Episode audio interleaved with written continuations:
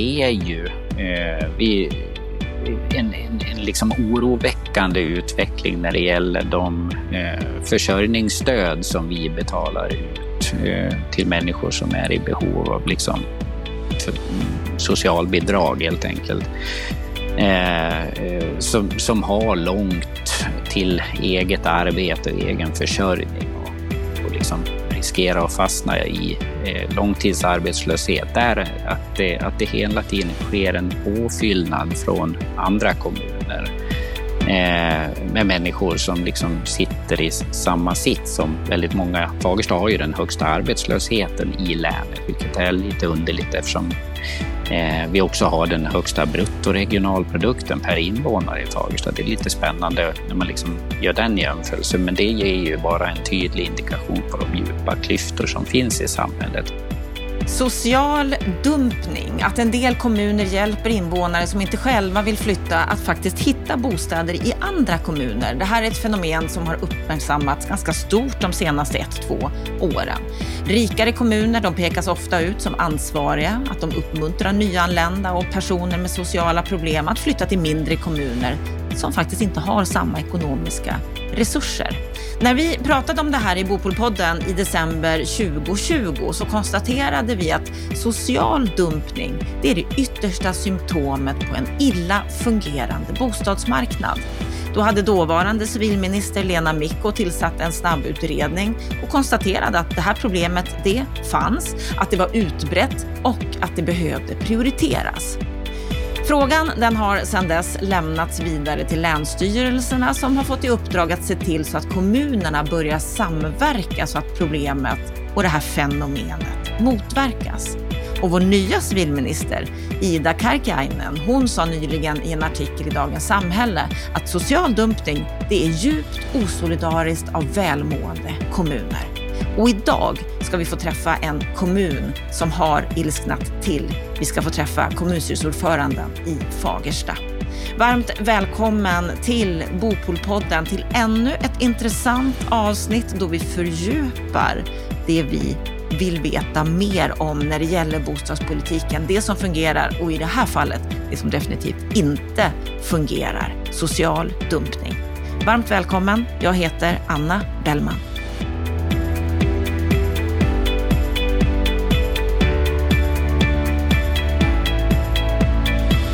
Idag ska vi få träffa en kommun som har ilsknat till mot social dumpning, Fagersta. Deras egen kartläggning visar att sju kommuner har hjälpt nyanlända att flytta till just Fagersta. Varmt välkommen till Bopolpodden, Marino Wallsten. Tack. Vad är din sinnesstämning idag? Ja, just idag så är väl sinnesstämningen ganska eh, avslappnad, även om det är eh, eh vi går ju in i ett valår och det är klart det börjar eh, liksom synas i, i veckoschemat också att det börjar tätna på med möten och sammanträden. Så man får väl säga att man vet att man lever och att man har det precis så hektiskt som man bör ha. Något du tycker om? Ja, det är roligt. Jag tycker politiken lokalt är ju väldigt roligt och spännande. Ju, man får ju en chans att vara med och påverka liksom det som händer och sker i den egna kommunen. Och skapa vad ska man säga, kontaktytor och samarbeten eh, långt utöver kommungränserna också för den delen. Men det är ju någonting, den här sysslan som man håller på med i, i liksom ett förtroendeuppdrag, det är ju någonting som jag gärna skulle vilja se att mer människor får chansen att prova på. För det är ju eh, det är, det är någonting fint med att liksom i sann demokratisk anda få, få vara med, väljas eh, och, och, utföra liksom uppgifter som syftar till att förbättra den egna kommunen. Det är jätteroligt. Ja, du är ju kommunalråd, du är kommunstyrelseordförande i Fagersta kommun sedan 2014. Det var då Socialdemokraterna återtog positionen som styrande parti efter 16 år i opposition. Hur har de här åtta åren varit, skulle du säga? Jag skulle vilja säga att det har hänt eh, väldigt mycket eh, och, och, man förstår ju lite grann skillnaden som kanske också är lite grann tjusningen med att vara liksom ett kommunalråd, enda heltidspolitiken i en liten kommun som Fagersta. Där man kanske tittar lite, eh, lite sneglande på andra kommuner som har fler än ett kommunalråd och kanske till och med så ansvarsfördelat eh, lite grann utifrån olika frågor. Och, Eh, och så vidare. Och så är det ju inte riktigt. Utan i den lilla kommunen, där får man ju någonstans alla frågor på sitt bord, i, i stort som smått. Eh, men eh, om man hamnar väldigt nära eh, både liksom tjänstemännen i kommunorganisationen och väldigt nära medborgarna. Det, det är inte långt till att liksom ha en dialog med människor som man möter i affären eller på stan eller på fotbollsträningen. Så det, nej, nej, det är otroligt roligt.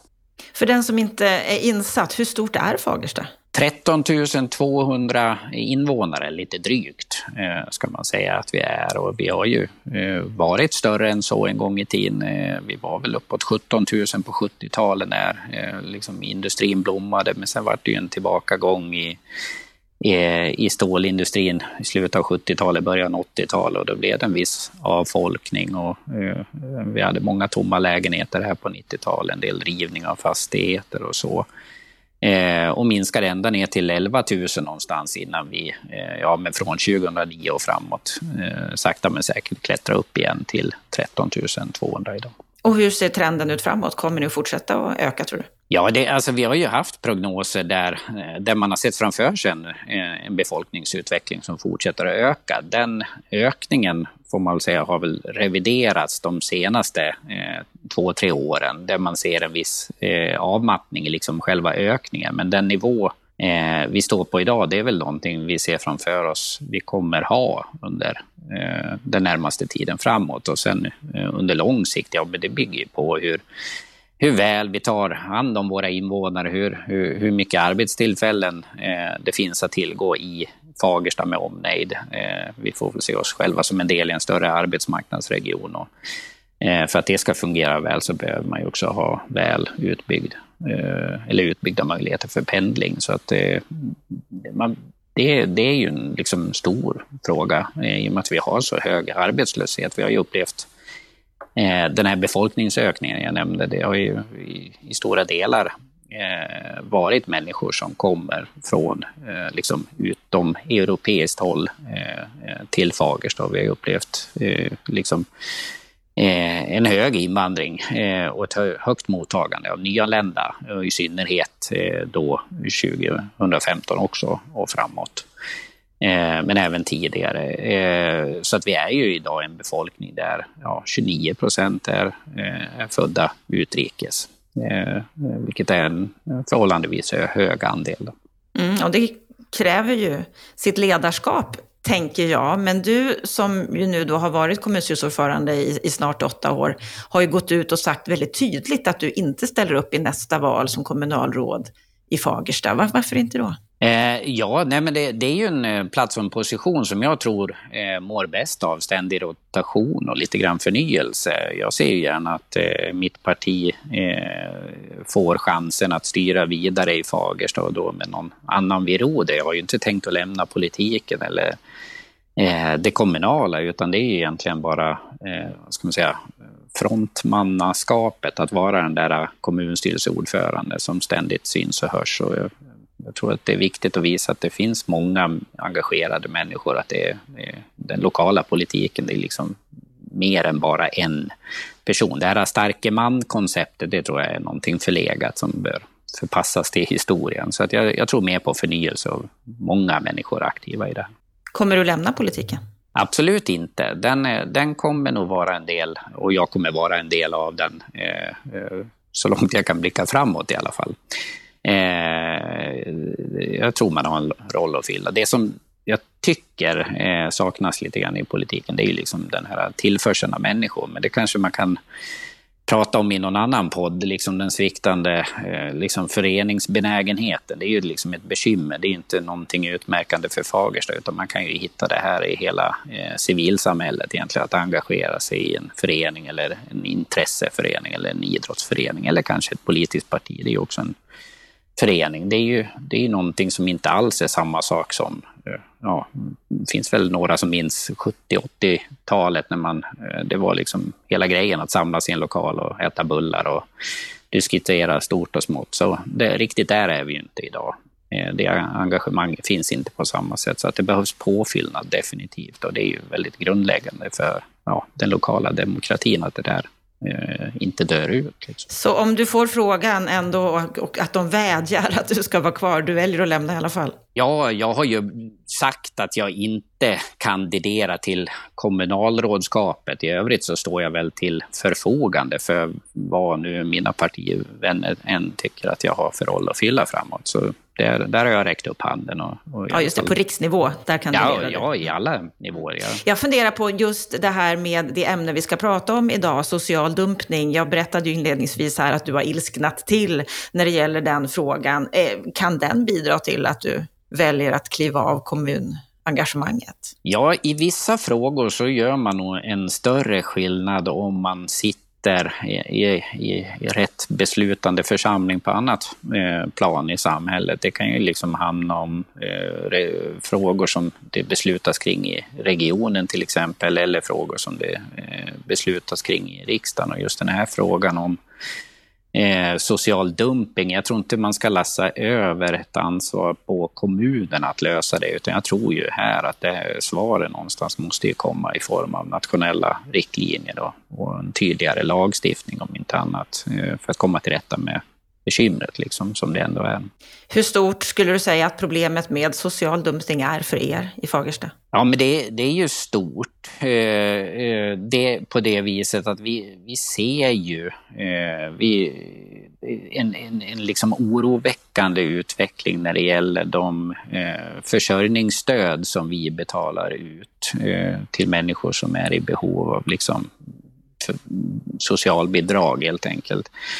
Eh, eh, som, som har långt till eget arbete och egen försörjning och, och liksom riskerar att fastna i eh, långtidsarbetslöshet. Där att det, att det hela tiden sker en påfyllnad från andra kommuner eh, med människor som liksom sitter i samma sits som väldigt många. Fagersta har ju den högsta arbetslösheten i länet, vilket är lite underligt eftersom Eh, vi också har den högsta bruttoregionalprodukten per invånare i Fagersta. Det är lite spännande när man liksom gör den jämförelsen, men det ger ju bara en tydlig indikation på de djupa klyftor som finns i samhället. Att eh, är man eh, en svenne och har ett jobb så har man det ganska bra. Man bor billigt, eh, eh, tjänar bra och så i Fagersta. Och är man då utrikesfödd och arbetslös och kanske inte ens bor tillräckligt bra, då, då, då ser man de här kontrasterna och de här djupa skillnaderna som finns i samhället. Och det där vill man ju, det gapet, den klyftan, den vill man ju överbrygga på något vis. Det, det känns som att det är en del av den stora samhällsutmaningen att få,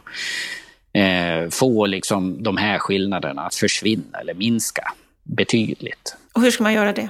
Ja, alltså eh, knäckfrågan, alltså det väldigt eh, centrala i allt det här som jag tror är lite grann utav en ödesfråga för samhället, det är ju eh, det här mantrat att säga att allting någonstans cirkulerar kring jobben, jobben och åter jobben. Alltså det är otroligt viktigt att man, man blir en del av samhället när man har ett, eh, ett eget arbete och en egen försörjning att luta sig på. Det är inte hållbart för samhället att ha en stor grupp människor som eh, inte tar sig in på arbetsmarknaden och hamnar i långtidsarbetslöshet med allt vad det kan föra med sig i form av ja, men utanförskap, eh, segregation, kriminalitet med mera. Eh, någonstans cirkulerar allting kring liksom, frågan om jobben. Så att det, eh, det, politiska fokuset måste ju vara att se till att människor har ett arbete att gå till. Eh, då, då kommer man framåt också.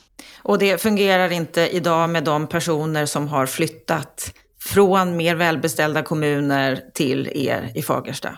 Nej, det kan man ju inte påstå. Alltså det, man, jag tror inte man tar hänsyn heller när man... Eh, eh, ja, en del kommuner vill ju inte säga att man slänger iväg människor till andra kommuner utan man hjälper dem att hitta hitta en bostad. I vissa kommuner vet jag att det finns någon form av bostadslost eller bo, bo, bostadsvägledare eller vad man nu än kallar det. Eh, men det, eh, principen är densamma. Man hjälper till att skanna efter lediga bostäder, tipsar om dem och, och, och, och, och får människor liksom att eh, ta sig dit och bort från liksom, den egna kommunen till någon annan kommun. Och jag tror inte i det att man tar hänsyn till eh, vad ska man säga, framtidsutsikterna för jobb och egen försörjning. Man ser bara bostadssituationen. Ja, bostaden och taket över huvudet.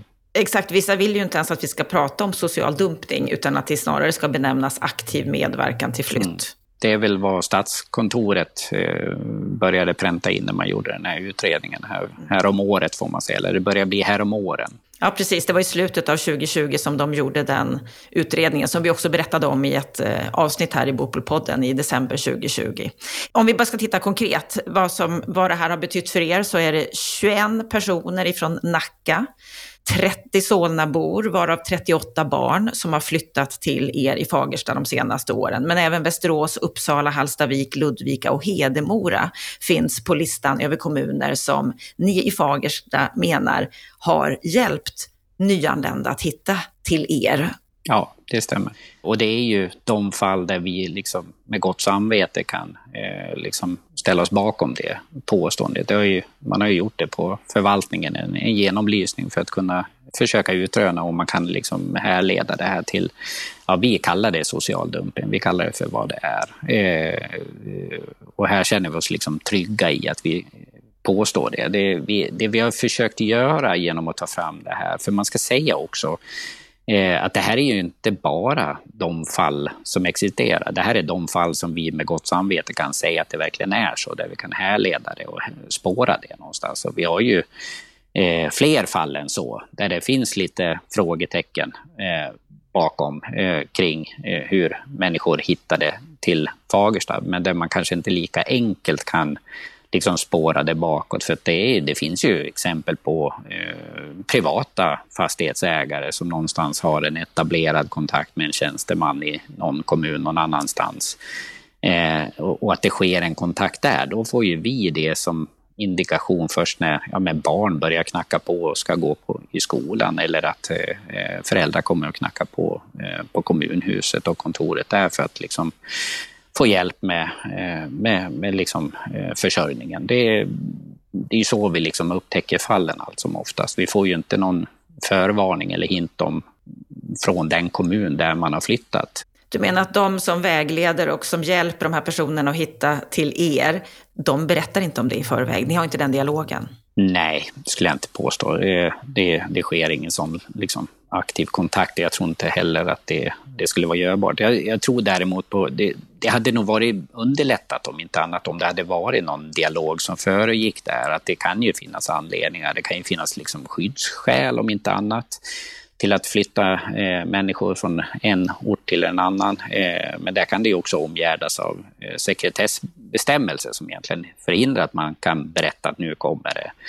en familj. Det är inte alltid eh, det snappas upp heller eh, på det sättet, av förståeliga skäl. Men eh, den här dialogen, det, eller avsaknaden av dialogen, det är förstås en, eh, en brist. Den skulle behövas, om inte annat för eh, ja, men samordning eller möjliga samverkansformer. det hade väl kanske varit någonting som hade kunnat eh, förbättra det här. Men där vi står, det, det är ju liksom eh, människor som dyker upp som behöver hjälp som egentligen inte har fått den hjälp de behöver eh, i den kommun där de kommer ifrån. Och det, det är väl det som är det stora bekymret och, och det stora antalet barn i, i, som det här rör sig om, som liksom är de som flyttar med. Det är väl de som hamnar allra mest i kläm, skulle jag säga, som får liksom svårt eh, eh att, att växa upp på ett bra sätt och gå i skola på ett bra sätt och ha den där man säga, lugnet och ron för att kunna liksom, ta sig igenom skolan under alla år man går där. Liksom. Mm, det är människor det handlar om. Det är människor. Mm. Det är lätt att nästan glömma bort det när vi, när vi pratar om, om det här med, med siffror och kommuners ansvar och så vidare, att det är, det är personliga öden. Definitivt. Om vi ska sätta det i ett sammanhang så är det ju inte bara ni i Fagersta som eh, råkar ut för den här sociala dumpningen. TT gjorde en enkätundersökning i slutet av 2019 och där uppgav drygt 70 procent av de kommuner som svarade på deras enkät, det var 159 kommuner som svarade, och de 70 procenten upplevde att de hade utsatts för social dumpning, där det alltså var socialt utsatta människor som har hänvisats till att söka bostad i just den kommunen. Men siffran var högre, nästan 80 procent bland de kommuner som definierar sig som landsbygds eller glesbygdskommun. Så det här är ju ett stort reellt problem som ju också regeringen då har identifierat och erkänt som ett problem. Men vad, vad skulle du säga att det har kostat er ja, att ta emot alltså, de här personerna? Det, det, konkreta kostnader, det har vi ju tagit fram. Eh, dels eh, i de skrivelser som vi eh, för vi har ju försökt uppmärksamma det genom att skicka skrivelser till både Nacka och Solna som var väldigt utmärkande. Det fanns liksom stora barnfamiljer som flyttats över de senaste två åren, ska man säga. Eh, där har vi försökt vara så konkreta vi kan och beskriva hur mycket som har gått ut i form av försörjningsstöd och hur mycket det kostar att ha eleverna i vår skola i och med att det här är barn som ofta kräver studiestöd, eh, SVA-lärare eh, med mera för att kunna liksom, eh, ha en fungerande undervisning eh, på ett bra sätt. Eh, eh och där landade vi ju i i någon slags snittlig kostnad på 270 000 kronor per termin och familj. Och det är liksom kostnader som eh, vältras över till oss som egentligen kanske eh, borde ha varit där man var en gång från allra början. Det är liksom en väldigt konkret kostnad. Men sen finns det mycket man inte kan sätta pengar på på ett enkelt sätt. Vad leder det här till eh, i form av psykisk ohälsa? Vad kostar det? Alltså de siffrorna är inte alls eh, lätta eh, att eh, försöka uppskatta på ett bra sätt. Så att, ja, den, är, den är svår den frågan, eh, men det kostar och det är människorna någonstans som hamnar i, i, liksom, i kläm helt och hållet i det här. Det är, precis som du själv sa, det är liksom livsöden vi pratar om. Och ni är en liten kommun, har inte så stora ekonomiska muskler. Så det blir problematiskt att ta hand om det här. Du har ju skrivit brev till både Nacka och Solna. Varför har du gjort det? Ja, det, jag eh, tänkte väl så här tillsammans med eh, våra nämndsordföranden där att vi, vi tror ju inte att det här kan vara så cyniskt, eller hade väl den uppfattningen att det här skulle kunna vara så cyniskt, att det, det här är liksom eh, medvetet eh, eh och att man är medveten om det i de Eh, politiska beslutande församlingarna. Så det här tänkte vi skulle vara ett sätt för oss att försöka eh, få upp frågan i strålkastarljuset och uppmärksamma liksom, politikerna i de här kommunerna på vad som sker.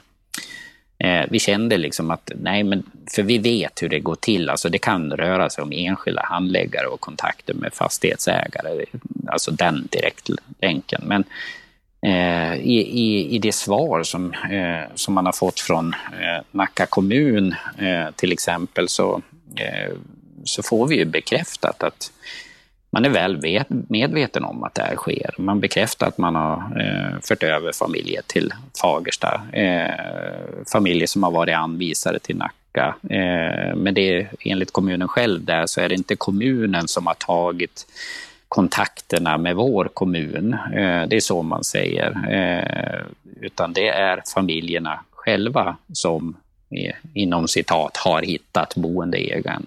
Mm, de tar inte ansvaret, kommunen, för att de har hjälpt familjerna att hitta en annan bostad? Det är så det är och jag vet att det finns en, en, en vad ska man säga, bostadsvägledare i Nacka kommun som har varit liksom, eh, lotsen som har fått människorna att hitta till Fagersta. Så kan man väl uttrycka det, men eh, man behöver ju inte gömma sig eh, bakom det. det är ju, man har ju haft eh, övergångsbostäder. Så länge det finns en statlig finansiering så har det ju fungerat alldeles utmärkt att hitta liksom, tak över huvudet i den egna kommunen. Men den statliga finansieringen under etableringstiden försvinner eh, efter två år då, eh, ja men då ser man inte att man har ansvaret som kommun själv att hjälpa eh, invånare, utan då får man som individ eh, på samma villkor som alla andra eh, leta en bostad och det är svårt i en storstadskommun med bostadsbrist och, och så. Det är ju så man lägger fram det och då, då är det upp till den egna individen att söka bostad. Det, det är liksom filosofin där.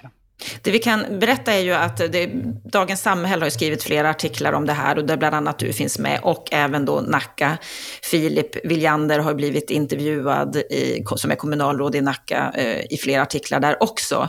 Och eh, han berättar ju precis det du säger nu att de har bosöksstödjare som ger information till personer om hur man söker bostäder i hela landet. Och han menar att det här gör de för att hjälpa nyanlända att stå på egna ben. Är inte det en bra grej att hjälpa dem, att lotsa dem att ta sitt egna ansvar för sin bostadsförsörjning? Jo, absolut. Om, om de har en vettig chans att bli integrerade i samhället och, och har goda utsikter till att nå eget arbete och egen försörjning, men då kanske man inte ska välja eh, glesbygdskommuner och inte allt för sällan med eh, eh, hög arbetslöshet och, och kanske till boenden som håller åtminstone en värdig standard. För det är inte alltid på solsidan man hamnar när man, är, när man hjälps eh, till med att hitta liksom en ledig bostad, utan eh, det är allt för ofta som man hamnar i, i, i händerna på privata eh, ska man säga, fastighetsägare som inte kanske alltid sätter ordet värdig framför hyresintäkten.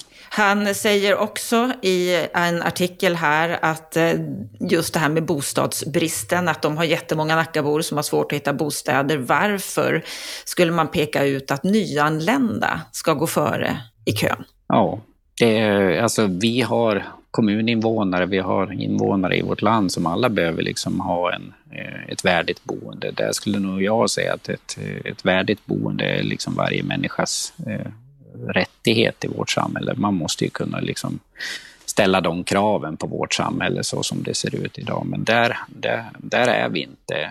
Så du menar att de som kommer till er, de har inte heller ett värdigt boende? Nej, absolut inte. Vi har exempel där det är liksom väldigt undermåliga bostäder där man inte har lagt särskilt många kronor och ören på liksom underhåll och, och, och renovering, utan det kan till och med röra, sig om väldigt gamla fastigheter där, eh, ja, men som, där det finns ohyra, där det håller en liksom, usel standard. Där hamnar människor och betalar förhållandevis dyra pengar. Eh, och, och, privata fastighetsägare som eh, faktiskt också liksom uttryckligen säger att man godtar eh, ja, men liksom försörjningsstöd eller aktivitetsersättning som liksom inkomst som kanske inte riktigt är den här hållbara inkomsten, utan det, där ser man ju egentligen, och det blir ju kommunen som betalar eftersom det är väldigt ofta det rör sig om människor som söker försörjningsstöd hos kommunen. Eh, och då blir det ju i princip som att den kostnaden får kommunen, den egna, den nya kommunen ta. Det vill säga ni i det här fallet. Borde Nacka då ta en större kostnad? Ja, skulle det gå att göra? Det, det det skulle väl inte... Eh, för jag kan, jag kan köpa att finns det inte plats i den egna kommunen så kan man tänka sig att det, ja, men eh, till man har löst det får man väl kanske köpa plats i andra kommuner. Om det skulle finnas ett sådant system, ja det skulle väl möjligtvis kunna vara mer rättvist. Jag tror egentligen redan från allra första början när människor liksom kommer till vårt land och anvisas till olika kommuner. Där vet jag ju att det har blivit bättre men eh, där, redan där och då måste man ju försöka pricka in någorlunda rätt var människor hamnar utifrån just eh, framtidsutsikterna till arbete och försörjning och utbildning förstås. Eh, och inte bara ha det här ensidiga fokuset på tak över huvudet. För i det långa loppet så är ju inte det någon hållbar lösning för någon. Och här skulle jag nog tycka att, eh, eller tycka och tycka, det, är ju, det kan man väl konstatera att det, mottagandet av nyanlända, det, det har nog inte skett till, i, i proportionerligt i landet. Jag vet att 2017, bara några år efter liksom, eh, den stora flyktinginströmningen, år 2015, då befann sig över hälften av de nylända, eh, nyanlända i 10 procent av landets kommuner. Och det säger ju sitt om hur snedfördelat där och inte sällan då eh, hamnade de här människorna i kommuner på landsbygd med hög arbetslöshet och så vidare. Eh, så att det, det, har ju skett liksom någonting fel redan där i mottagare. Hade det skett proportionerligt att alla kommuner hade tagit emot lika många i proportion till befolkningen så tror jag att det här hade varit ett långt mycket mindre samhällsproblem än vad det kanske är idag, med, med, där man ju ser liksom tydliga tendenser på segregation och utanförskap och eh, ja, men lång, arbetslöshet och i synnerhet långtidsarbetslöshet hos den här gruppen människor. vilket är ett misslyckande får man väl säga. Nacka menar att, eh, i ett av sina svar här då att, att, att ni borde inte rikta någon kritik mot dem utan snarare rikta kritiken mot staten. Och det låter på dig nu att du till viss del kan hålla med om det, att, att det ligger mycket hos staten, att våra nyanlända inte får den support som de behöver. Ja, nej, men det, det, det, kan jag stå för. Det, jag eh, tycker definitivt att staten eh, har hela tiden haft en större eh, roll eh, att fylla och har en, eh, redan eh, från allra första början liksom ett stort ansvar i mottagandet av nyanlända. I, I det här fallet, jag vet ju inte om det skulle underlätta eller, eh, eller bara liksom förskjuta problemet ytterligare framåt i tiden. Men den här liksom etableringsperioden på två år, den kan man nog eh, skriva i sten att det är alldeles för kort. Så, så lång tid. Hur lång tid tror du skulle behövas? Ja, alltså man hade ju någon uträkning här för några år sedan om att det genomsnitt tar ungefär åtta år för eh, människor att etablera sig i samhället. Men sanningen är ju någonstans att det finns en stor spridning. Några människor kan mycket väl liksom komma in snabbt, ha lätt, eh, ha studievana, eh, ha lätt att kanske ta till sig språk eh, och, och, och, komma snabbare ut på liksom arbetsmarknaden och eh, egen försörjning. Eh, Medan andra kanske behöver fyllas på med ordentligt mycket för att ens eh, liksom ha en chans att eh, få någonting att göra som man kan få betalt för liksom, i form av arbete. Det är, del människor som har kommit till vårt land är ju eh, människor som kanske inte ens har tagit sig igenom grundskolan. Så det är ju otroligt mycket utbildningsinsatser som behöver fyllas på och det behöver rustas med väldigt mycket annat också. Så det här försörjningsstödet på två år idag, det borde förlängas? Det borde förlängas. Eh, och ska man höfta till med någonting, allra minst fem år skulle jag säga. Eh, då skulle det åtminstone finnas eh, eh övergångsbostäder även i Nacka kommun eh, i fem år istället för två. Och det skulle nog också kunna eh, underlätta.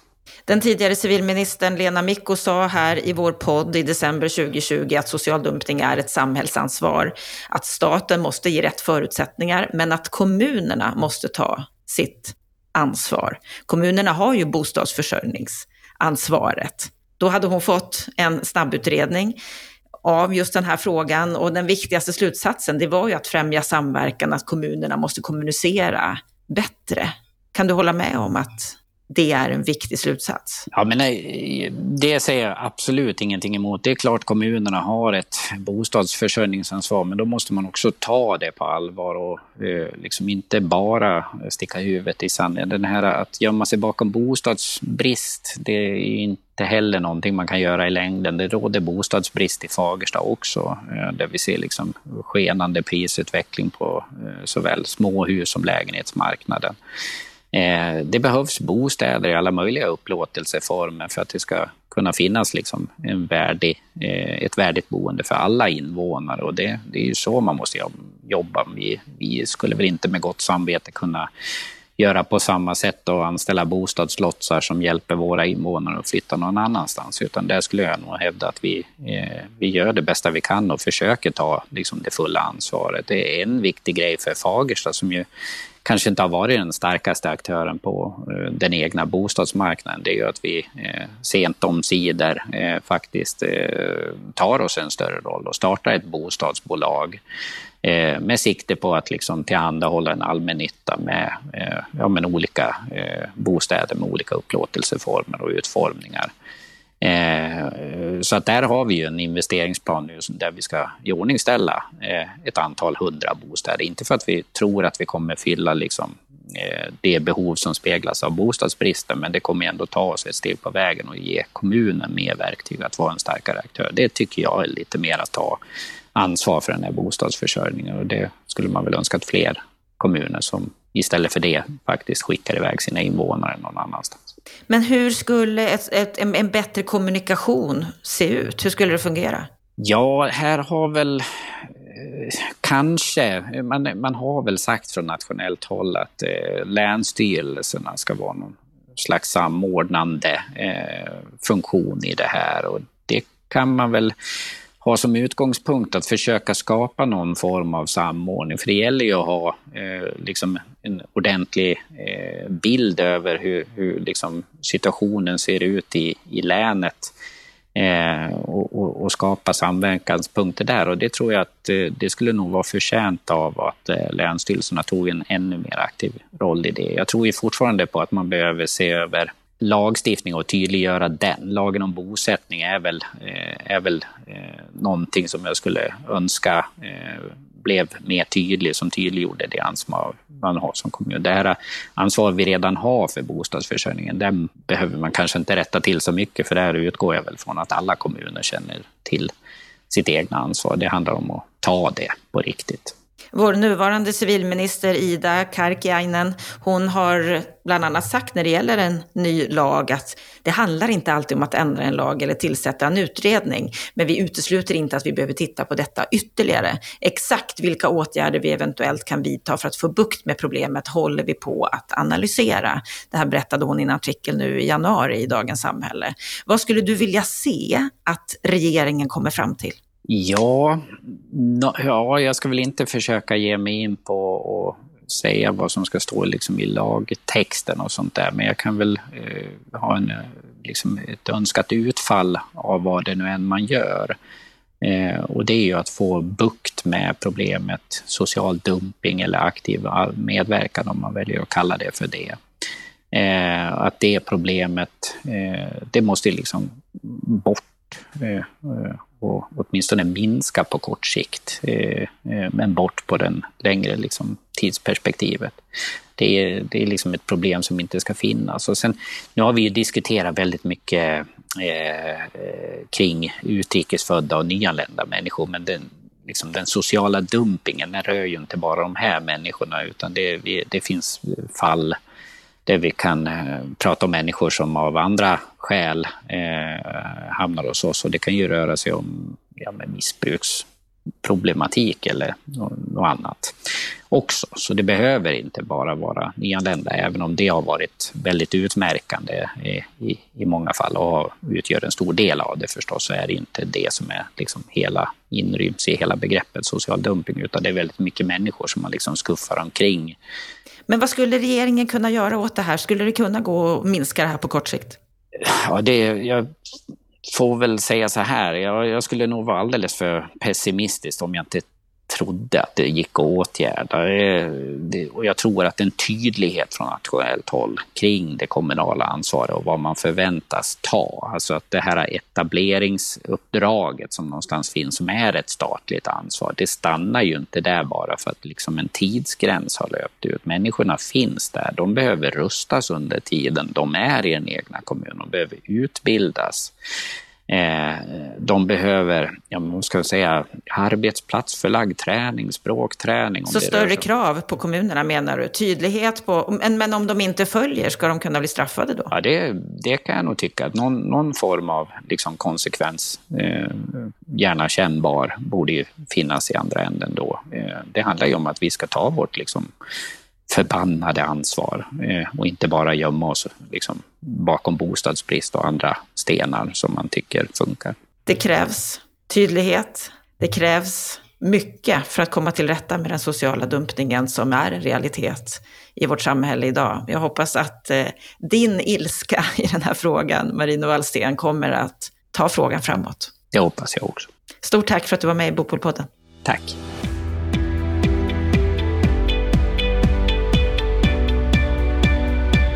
Då har vi hört samtalet med Marino Wallsten om social dumpning i Fagersta. Stefan Attefall, vad säger du om det här samtalet? Ja, men det är ju jätteintressant och jätteintressant att de har gjort den här eh, analysen av de som har kommit till Fagersta och var de kommer ifrån och de här, ska vi säga, bostadssamordnarna som eh, hjälper folk att flytta till de här kommunerna och eh, ja, det är ju, det är ju, det är ju snurrigt alltså. Men att man löser ju problem i många storstäder, men uppenbarligen var det inte bara storstäder som man nämnde om, det nämndes också om mindre kommuner. Man upplever, upplever att man löser problemen för kommunen, inte för människorna. Och det är det som retar mig mest alltså. Istället för att försöka hitta en lösning som är bra för människor så löser man ett kommunalt problem. Eh, och det är det skrämmande. Då blir systemet viktigare än de enskilda människorna. Och det måste man ju kraftigt fördöma och där har ju Nacka Solna men också kommuner som Västerås, Hedemora och Hallstavik och allt vad ni nämnde med ett stort ansvar. Det här att eh, de pekar på att det finns inga bostäder, det är en bostadsbrist, är inte det en jo. legal förklaring? Det är ju sant och det här är ju bekymret. Återigen, bostadsbyggandet är viktigt, men hela bostadspolitiken måste hänga ihop.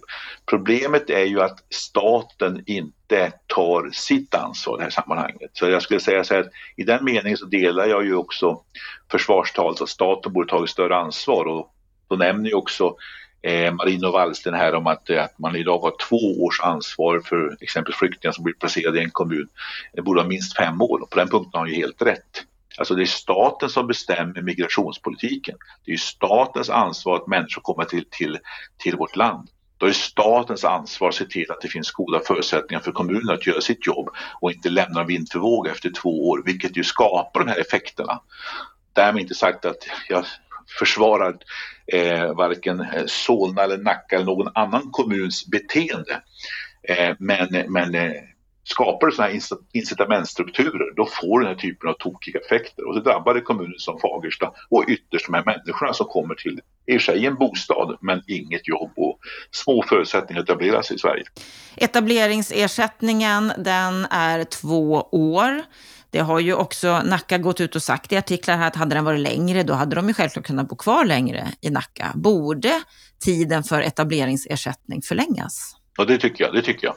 Eh, och man kan hitta olika sätt att eh, också eh, kanske vara flexibla i det här. Eh, man kanske kan ha två år och så kan man ansöka om förlängningar för de fall där man inte har hittat en etablering.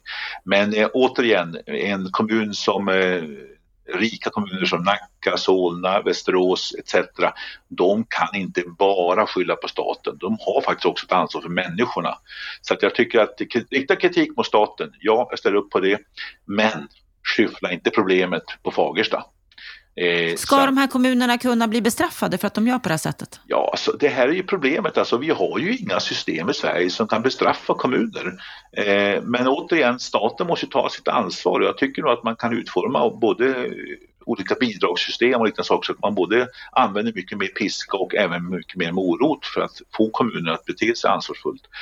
Men eh, det blir den här typen av situationer när man har bostadsbrist och så kan man lösa problemet med boende på det här sättet men man löser inte problemet för människorna. Och som sagt var, sen finns det också en del privata fastighetsägare som också ser en chans att göra sig en hacka i den här situationen. Man utnyttjar människor helt enkelt. Men det här visar bara på att krisen i bostads... eh, Politiken är större i verkligheten än vad folk tror.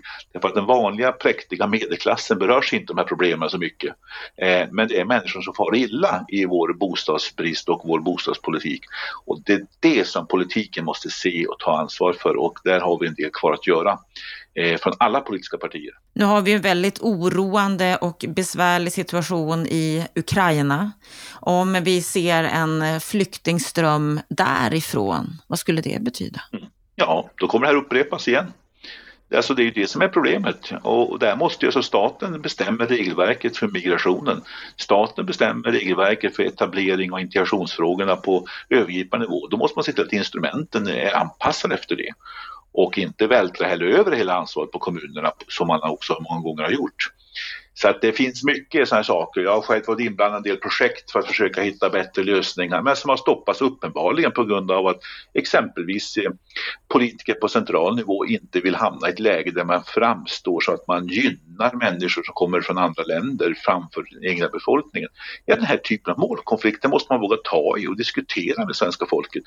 Eh, och, och, gör man inte det, då, då, kan man inte bedriva den här nationella politiken som man gjort. Så det, det, är på många sätt politiker som flyr sitt ansvar ansvar som har skapat den här situationen. Så att, eh, eh, och här skulle jag säga, här är inte sossarna sämre än någon annan. Här är alla partier medskyldiga till att inte fullt ut ta konsekvenserna av vad man gör och föra en diskussion om hur man ska hantera situationen tillsammans med kommunerna som inte kan skyffla problemen mellan varandra. Kommunerna, de är ansvariga. Vi har ett nationellt ansvar ifrån våra politiker. Vi har en besvärlig situation. Nu är det dags att steppa upp och ta sitt ansvar. Ska vi sammanfatta det så? Ja, och inte minst förbereda sig för nästa flyktingvåg. Den kommer förr eller senare. Tack Stefan för eh, din kommentar. Tack till dig som har lyssnat. Tack för att du är med oss och fortsätter att fördjupa samtalet, diskussionen, debatten om bostadspolitiken i vårt land. Gå gärna in på bostadspolitik.se, anteckna dig för nyhetsbrevet som kommer varje fredag. För på fredag, då är vi tillbaka igen härifrån podden. Då får du veckans Aktuellt med det senaste som har hänt under veckan.